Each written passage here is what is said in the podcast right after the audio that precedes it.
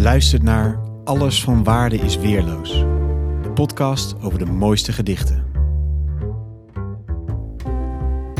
Mijn naam is Allard Amelink. In elke aflevering vraag ik een luisteraar naar zijn of haar favoriete gedicht. Zo bouwen we samen een kanon van de mooiste poëzie. In deze aflevering hoor de keuze van... Rodan Al-Khalidi. Dag Rodaan, wat leuk dat je meedoet aan deze podcast. Dankjewel, dankjewel. Jij bent al een keer eerder voorbij gekomen, want Sanne Terlouw koos eh, jouw gedicht Bosvogeltje uit. Jij bent eh, schrijver en dichter.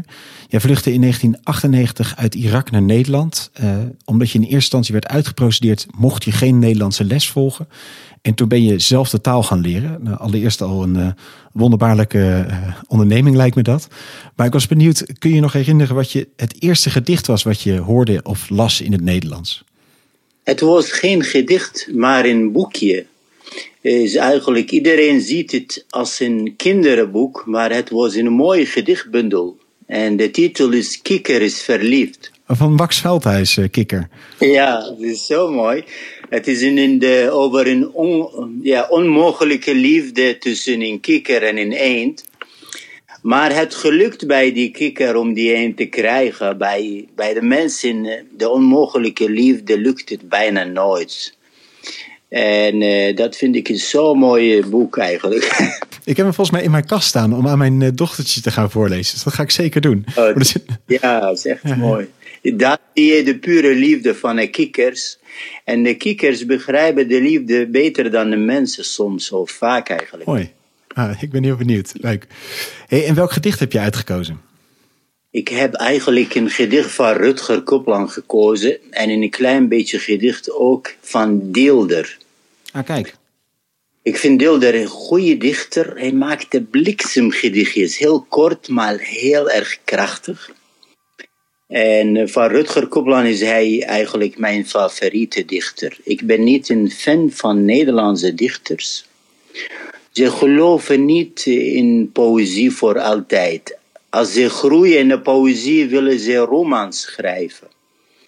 En daarna, als, het niet, als hun niet gelukt, worden ze heel slechte columnisten. en, en dan, de poëzie voor de Nederlandse dichter is geen warme eten, maar toetje. Hij wil altijd niet de grote dichter zijn, maar de grote schrijver. En bij de grote schrijvers eindigen ze hun carrière met een gedichtbundeltje ook. Zeg maar. De poëzie in de literatuurwereld van Nederland is niet serieus genomen eigenlijk. Maar ik zeg het een beetje negatief.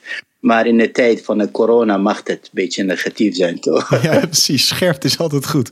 Hey, en heeft, Oh. Is Rutger Kopland zelf ook op een gegeven moment romans gaan schrijven? Of, eh, Eh, Ik hoorde dat hij wilde heel graag toen een roman schrijven.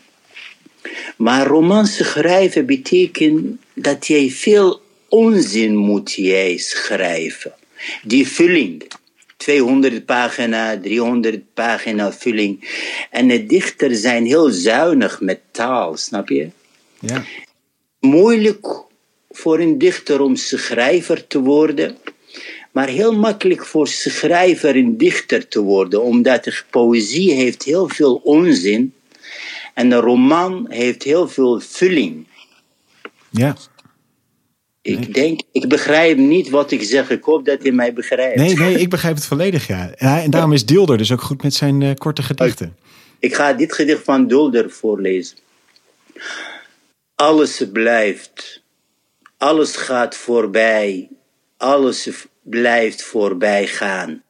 Het is zo'n mooie zin, hè? Alsof Hamlet het zegt. Of Dante Alighieri in de heel. Het is zo mooi. En mijn favoriete gedicht is van eh, Rutger Kopland. Maar mijn excuus dat niemand kan het lezen zoals Rutger zelf.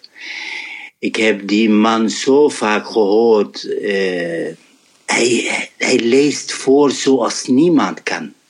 Als hij een telefoongids pakt en hij het voorleest, dan al die telefoonnummers de mooiste poëzie. Snap je wat ik bedoel? Ja. Oké, ik ga het voorlezen Maar- met mijn vreselijke accent. En, en, en, wel- en waarom heb je dus specifiek dit gedicht van hem uitgekozen? Eh, eh, ik ben een eeuwige asielzoeker.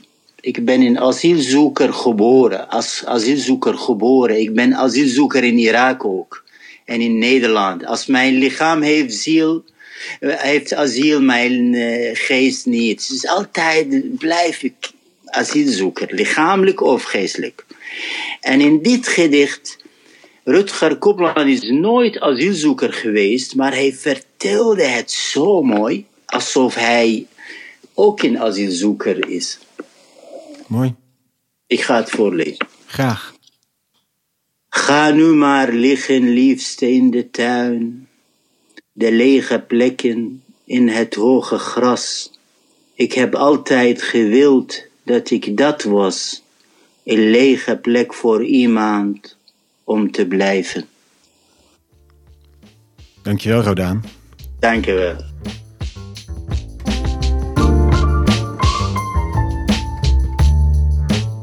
Dank voor het luisteren naar Alles van Waarde is Weerloos. Wil je zelf een gedicht delen? Stuur me dan een bericht op Twitter, isweerloos, of op Instagram, Alles van Waarde is Weerloos.